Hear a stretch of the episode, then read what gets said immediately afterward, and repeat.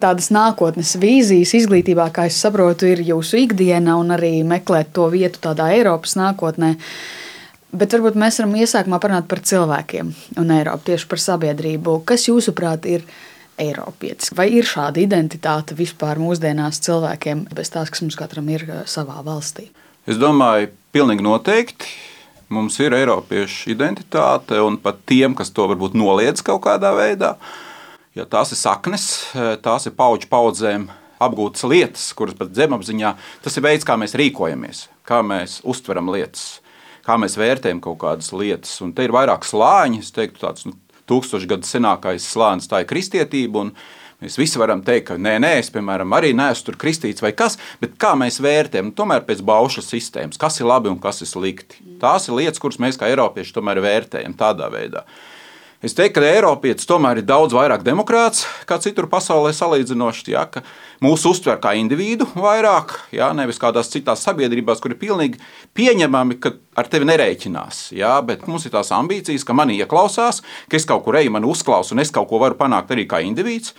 Tas viss, protams, ir salīdzinoši un relatīvi, bet tā ir tā lieta, jā, un, un es teiktu, ka vēl viena lieta, ka tāds eh, vidējais Eiropietis ir palicis tāds mazliet tādā savā komforta zonā, un viņš vairs nav tik uzņēmīgs. Viņš ir palicis tāds. Es teicu, nedaudz, varbūt tā varētu teikt, bremzēts savā ziņā. Viņš vienmēr izsver, jā, vai tas viņam ir izdevīgi vai nē. Nu, tā ir tā lieta, par ko es nedaudz satraucos, bet es redzu, ka neesam vairs tik dinamiski, mēs neesam tik proaktīvi, tik uzņēmīgi, neesam gatavi riskēt kaut kādām lietām. Mēs vairāk baidamies kļūdīties, mums ir ērtāk aprakstīt kaut kādus procesus, nevis mainīt, viņus Jā. kontrolēt. Nu, tā, kā, tā ir komforta zona. Ja? Tā ir tāda visas cilvēces lieta, vai, vai tomēr konkrēti mūsu reģionam raksturīga? Nu, ir tā sajūta. Es teiktu, ka tā tomēr ir Eiropas šī brīža, teiksim, tā ir tā blakne, ja, kas mums ir teiksim, radusies no, arī no Eiropas Savienības, nu, tas, kā mēs mēģinām lietas darīt.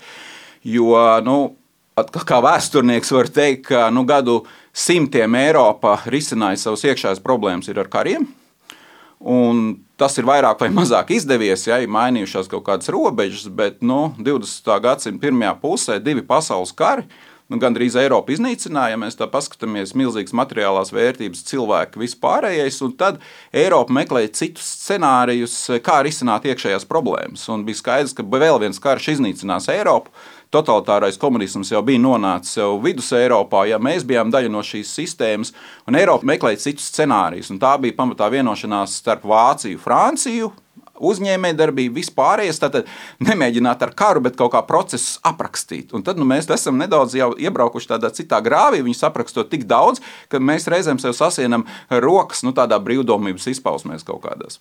Es te varētu minēt pilnīgi visus sektorus, arī kur es strādāju, augstākā izglītībā, zinātnē, kur ir iekšējie reglamenti, iekšējās pārbaudas sistēmas, kā mēs aprakstām, kontrolējam augstāko izglītību. Mēs prasām, lai augstskolas ir dinamiskas, lai visi ar uzņēmējdarbību saistās jaunas, proaktīvas studiju programmas. Bet tā, kad tev viņu vajag licencēt, akreditēt, tev atnāk komisija un tev tur nu, pēc pilnas programmas, teiksim, tā dod mājienas, ka labāk neko jaunu nemēģini, jā, dari pa vecam, un tā ir vieglāk. Un tas ir tā lieta, ka it kā jau tu pat vari izdarīt, nu, tu vari mēģināt izsisties cauri, bet tas ir ārkārtīgi grūti. Vieglāk ir iet to ceļu, uzraksti papīrus, pierādi, ka tava programma ir ilgspējīga, uz sešiem gadiem dabūt tos papīrus un atslābst. Nevis tagad mēģini kaut kādas jaunas lietas, jo tev atkal var nākt kāds pārbaudīt, kas tev tur skaita kaut kādus kredītpunktus, kaut ko, a, ko tie studenti tur dara, kāpēc viņiem tik stundas, kur viņi brauc. Projektos tas pats tev skaita kaut kādas abstraktas stundas vai kas. Skaties uz rezultātu, nevis uz procesu. Un mēs, diemžēl, esam jau radījuši tādu paudzi arī Latvijā, kas ir iemācījusies tā dzīvot. Bet kur ir tā lielā problēma? Ar šo mēs zaudējam globālu, lielo konkurētspēju citiem pasaules reģioniem. Tad tajā centrā ir tas, ka mēs esam tajā komfortā, iespējams, to var saukt par kaut kādu miegu. Bet kādu tad ņemot vērā tiešām to realitāti šobrīd, nevis to ideālu, kā vajadzētu būt, kādu jūs redzat? Eiropas nākotne, gan sabiedrības, gan valdību līmenī, nu, tas ceļš, uz ko mēs ejam. Jā, nu, jāsaka, ka tie scenāriji šobrīd ir vairāki, bet tas, ko es redzu, kas būtu tas, kas mums būtu jādara, mums vajadzētu Eiropai vairāk to, ko mēs runājam par vienotu telpu vienot uzņēmējdarbību, vienot zinātnē, izglītību, ļoti daudz lomas kultūra, vispārējais. Mums ļoti vajadzētu strādāt pie reālām lietām, kas šo telpu tiešām padara ciešāku. Kā? reālā līmenī. Nu, pieņemsim, tagad ir ļoti laba iniciatīva, kas arī nāca no Francijas, Makrona iniciatīva par Eiropas universitāti. Ko arī mēs Vidzemes augstskolu veidojam. Mēs veidojam kopā ar sešiem partneriem, nu tagad jau ar astoņiem partneriem. Mēs kopā no dažādām astoņām valstīm veidojam konsorciju, un tā būs tāda 2030. gada nu, pārskatāmā nākotnē, ka tā būs pilnīgi jauna tipa izglītība, ja, kur mēs piedāvājam dažādu dinamiku vispārējais, kur mums šobrīd ir iedots diezgan brīvas rokas to visu darīt. Bet tas nav tikai jautājums eh, par izglītību. Es uzreiz redzu, ka tas ir sadarbība, piemēram, tagad visas šīs pilsētas, visi šie reģioni, Valmiera, Sanpoltena, Austrijā, pārējās. Tās ir arī sadarbības pašvaldību līmenī, tās ir sadarbības uzņēmēja līmenī. Mums jāveido ļoti cieši saiknes, ka tā ir tāda kaut kāda specializācija. Kāpēc tas nav līdz šim, liekas? Nu, teorētiski no. Eiropā taču esam jau kādu laiku, un ir šīs sadarbības, ir studentu mobilitāte, nu, ja par izglītību šauri. Jā. Kāpēc tas jau nav tā kā? Nu, tas ir tāpēc, ka mēs joprojām ļoti daudzas lietas mēģinām norganizēt un izdarīt eh, nacionālā līmenī. Nu, tas ir teiksim, nu, tagad atkal izglītība. Mēs mēģinām apvienot dažas augstskolas. Ja? Mēs skatāmies uz to ārkārtīgi šauri. Man nav problēmas, ka mēs veidojam, ka mēs esam daļa no šīs Eiropas universitātes, ko mēs kopīgi veidojam, tāpat kā Eiropas Savienība. Ja? Mēs mēģinām to atrisināt kaut kādā Latvijas mikro līmenī. Un mēs paši līdz ar to neesam līdz galam noticējuši tam, ka mēs varam kaut kādas lietas risināt Eiropas līmenī. Mums vajag uzticēties un noticēt, ja mēs runājam par vienotu telpu, jo šobrīd Eiropa tiešām globāli pēdējos simts gados ir palikusi daudz mazāka. Mēs esam ar daudz mazāku ietekmi. Ja pirms simts gadiem mēs dominējām, tagad mēs esam viens no pasaules reģioniem. Jā, daudzās jomās eh, ar labklājības ziņā vislabākais, kur dzīvot. Eiropa ir, manuprāt, viena no labākajām vietām pasaulē, joprojām, bet mēs esam ļoti nelieli. Mums ir jāveido tiešām reāli cieša integrācija pārvalstu robežām. Mums ir jāizmirst kaut kādas robežas, kas mums ir, menedžējot kaut kādus procesus valstīs. Tajā pašā augstākā izglītībā katrā valstī ir sava akreditācijas sistēma dod milzīgus miljonus naudas, lai veido kopīgas studiju programmas. Bet būtībā tas ir gandrīz neiespējami izdarīt normālā līmenī, jo katrā valstī ir sava sistēma. Un tad beigās vieglāk ir viena otra programma uz papīra, ir kaut kur kaut kas notiek. Bet ja mēs būtu atteikušies savā domāšanā no tā, ka mēs esam joprojām tādas mazas nacionālas valsts, to būtu desmit un simts reizes vieglāk izdarīt. Bet tad jūs ticat tajā nākotnē, nu, respektīvi, būs tā Eiropas uh, universitāte, Eiropas izglītība? Jā, es ticu, bet tas ir nosacījums, vai mums tiešām ļaus strādāt un darīt tās lietas, kas šobrīd ir apsolītas. Jo šobrīd ir apsolīts, ka mums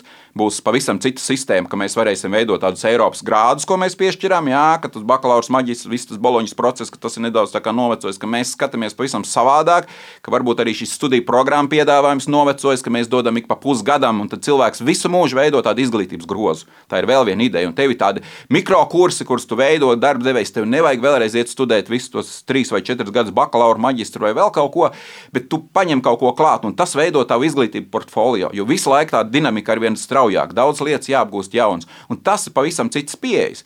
Ja to visu īstenos, es ticu tā idejai. Mm. Bet skaidrs, ka joprojām ir nu, pietiekoši liela pretdarbība tam, jā, jo daudz uzskata, vai to vajag. Bet pats svarīgākais, lai tas tiešām nonāk līdz konkrētiem cilvēkiem, jā, nu, tas ir tā sabiedrība, indivīds. Tiešām panākt to, ka ir šādai nākotnes izglītībai, ir absolventi. Bet eh, kā ir, ja runā tieši par to individu līmeni, vai ir arī pieprasījums pēc tās nākotnes izglītības? Vai cilvēki grib, labi, viens ir vīzijas, vizionāri, valstu vadības līderi, kas redz to nākotnī, bet vai, sabiedrība grib mainīties? Jā, un eh, tas ir vēl viens jautājums, kas ir jāsaprot, ka šādas pārmaiņas nevar īstenot īsā termiņā. Nu, tas ir minimālais termiņš, tāpēc arī tas tiek sprausts, kāpēc mēs runājam par 2030. gadu, ka šādas pārmaiņas var īstenot ilgtermiņā, konsekventi pieturoties pie kaut kādas politikas. Līdz ar to ir jāveido paudzes. Tas nozīmē jau šobrīd darbs ar vidusskolām, jā, teiksim, arī šajā skolas sistēmā mainīt, ko mēs jau pakāpeniski darām, bet vēl vairāk.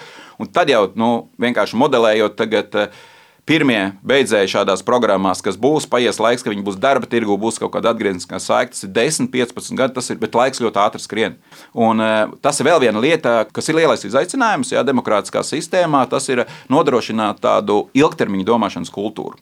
Un tā ir varbūt tā viena Latvijas specifika, kas, manuprāt, nav, ka mēs domājam no vēlēšanām līdz vēlēšanām, ja, un mums tā lielā vīzija, valsts vīzija, ja, mēs esam kaut kur, mēs uzrakstām, kaut kur viņi parādās, un tās lietas ir pareizas, bet mēs viņu tādā jau vidējā līmenī sākam ignorēt. Ja, jo arī politiķiem partijas mainās, un jaunas partijas rodas, tas ir viss Eiropas fenomens. Ja, un tu apsoli kaut ko īstermiņā. Ja? Tagad tiek veidots plāns Latvija 2050. Nu, es atvainojos, kam tagad rūp no politiķiem, kas tagad septembrī nāk uz vēlēšanām, gatavojas, kas būs 50. gadā. Viņam jādabū ir uzvar šajās vēlēšanās. Un tāpēc ārkārtīgi svarīgi, ka sabiedrība izprot ilgtermiņa mērķus. Un sabiedrība veidojās no individiem. Un ja individos ir vairāk šādi uzņēmīgi cilvēki, gatavi mainīties, tad arī tie procesi sāk darboties savādāk. Bet to nevar izdarīt vienā gadā, tas ir skaidrs. Kā ir savukārt, ja runā tādā šodienas kontekstā, Ukrainā ir karš, ir šī Krievijas agresija. Kā jūs redzat, kā šis viss ietekmēs tieši Eiropas Savienību kā veidojumu? Nu, mēs redzam, to, ka karš ir pārsteidzis pat militāros ekspertus. Tagad nu, vismaz tas, kas izskan, ja, ka pat kaut kāda konkrēta ieroču veida netika ražota, ja, netika veidot kaut kādi krājumi, tāpēc, ka tika pieņemts, ka tāds karš jau vispār nenotiks. Un tā ir tāda tiešām nu, pozitīvā lieta, ka Eiropa tiešām ir iemācījusies pēc otrā pasaules kara nepieņemt domu, ka valstis savā starpā karos. Nu, ka Francija varētu teikt, ka redz, Beļģijā tur dzīvo pusi iedzīvotāju franči, mēs varētu anektēt daļu no Beļģijas, ja, piemēram. Bet tā sliktā lieta ir, ka mēs eh, ignorējam to, ka citās pasaules daļās domā savādāk. Un te mēs redzam Krievijas sabiedrību. Ja, ka Krievijas sabiedrībai šķiet pietiekoši pieņemam tas, kas notiek. Tas ir tas pats domāšanas līmenis, kas Eiropā bija pirms simts gadiem, nu, kur bija koloniālās lielvaras. Tur Francija, Lielbritānija, tur pusi pasaule ir pakļauta, ja, un, un, un, un tie ir tie galvenie. Bet Tur tā domāšanas veids ir mainījies. Un Krievijai viņš ir palicis. Un e, tā viena lieta, ko mums ir ļoti jāiemācās, ir saprast, ka citur domās savādāk. Tāpēc tas veids, kā mēs mēģinām sarunāt, piemēram, ar Krieviju šobrīd, reizēm ir ļoti nepareizs. Tāpēc, mēs pieņemam, ka tā Krievija domā tāpat kā mēs, ka viņi domā racionāli, ka karš viņam liekas e, slikta lieta un ka ekonomiskās sankcijas ir slikti. Krievijas valdībai nerūp, kā jūtas viņas sabiedrība. Tas ir pilnīgi vienalga. Sabiedrība ir tikai instruments, lai varētu viņi noturēties pie varas. Tas ir cits režīms. Pilnīgi cits režīms, cita uztvere, pavisam cita, un tas ir tepat blakus. Tā ir tā lieta, kas, protams, mums liek pārvērtēt daudzas lietas. Bet arī uzdot tos jautājumus, ko es jau te piesaucu par to, kā mēs paši rīkojamies. Vai mēs paši esam gana drosmīgi pretnostatīt savas demokrātiskās vērtības un attiecīgi tā arī rīkoties. Vai mēs arī reizēm neejam to vieglāko ceļu, ja kaut kādā veidā piegriežot sabiedrībai kaut kādas iespējas kaut ko darīt, lai īstermiņā sasniegtu to. Bet vai šis process kaut kā arī satricina Eiropas iekšēnē sabiedrību, vai tā ir šķelšanās, vai tomēr nav šķelšanās? Kādi ir jūsu novērojumi? Es domāju, ka kopumā tas ietekmē pozitīvi. Diemžēl, ja tā ir dārga cena, bet mēs redzam, kaut vai kā mainās sabiedriskā doma Skandināvijas valstīs, eh, kas savā ziņā nu, teiksim, ir parazitēja mazliet uz eh, NATO un uz citu valstu drošības rēķina. Ja? Ko ir mainījusi Vācija savā attieksmē, ja? ka viņa ignorēja šos maksājumus NATO ja? un investē viņu savā ekonomikā. Tāpēc arī tas Eiropas motors, kā Vācijas ekonomika, ja, strādāja savā ziņā, jo viņi šīs naudas nenovirzīja aizsardzībai, bet lika iekšā ekonomikā. Tāpat laikā arī Vācija šobrīd ir sapratusi, ja, nu, kad ir jāskatās savādāk. Uz Eiropu ir jāskatās ne tikai kā tādu kultūras un ekonomisku vienotu konceptu, bet arī kā drošības. Līdz ar to, ka arī drošības ziņā Eiropa ir apdraudēta, un mēs nevaram paļauties tikai uz to, ka ASV, ja, kā milzīga lielvara ar atomieročiem, ieročiem, ja, mūs pasargās. Jo arī ASV ir demokrātiska valsts. Mēs redzējām, kas zina, kā būtu situācija šobrīd, ja Trumps būtu prezidents. Kas to var iedomāties? Ja? Līdz ar to Ir daudz dažādas versijas par to, ja, bet katrā ziņā, domāju, Eiropas pašpietiekamība tas ir jautājums, kas mums ir jāsaprot. Ja. Enerģētikas politika, daudz pārējais. Skaidrs, ka no vienas puses varbūt ka Eiropai kaut kādā ziņā pat iekšēji ir jānoslēdzas, ir jābūt vairāk pašpietiekamai, jāsaprot, ko mēs Eiropā ražojam, bet ļoti cieši sadarbojoties savā starpā Eiropas valstīm. Un tad jau mēs veidosim kaut kādu tādu vienotā konceptu, ejot sadarbojoties ar citiem pasaules reģioniem. Tā kā no vienas puses daudz vairāk palielināt sadarbību iekšēji, bet no otras puses var būt kaut kā netik daudz spēku šķiest uz kaut kādiem individuālām sadarbībām kaut kur ārpusē. Tad jūsu skatījums var teikt, ka ir optimistisks. Jūs redzat Eiropu nākotnē plaukstošu. Jā, protams, un uh, es pēc dabas esmu vairāk optimists, bet no Špenglers par Eiropas norietu rakstīja jau vairāk pirms simts gadiem, kad Pirmais pasaules karš beidzās. Viņš teica, ka viss būs slikti. Un eh, skaidrs, ka sabiedrība noveco, skaidrs, ka mums iebrauks ļoti ticams cilvēki no citiem reģioniem, diezgan daudz Eiropa mainīsies, bet es ticu šai idejai, un es domāju, arī globālajai pasaulē Eiropa ir ļoti vajadzīga. Es ļoti ceru, ka ar mums viss būs kārtībā. Jā. Galvenais ir veidot šo zināšanu sabiedrības konceptu. Tad mēs esam gudri un uzņēmīgi. Tas, ka mēs nebaidamies kāpt ārā no savām komforta zonām un darīt lietas savādāk, reizēm kļūdīties, jā, bet būt tādi aktīvāki, proaktīvāki un vairāk sadarboties, protams, un tad mums viss būs kārtībā.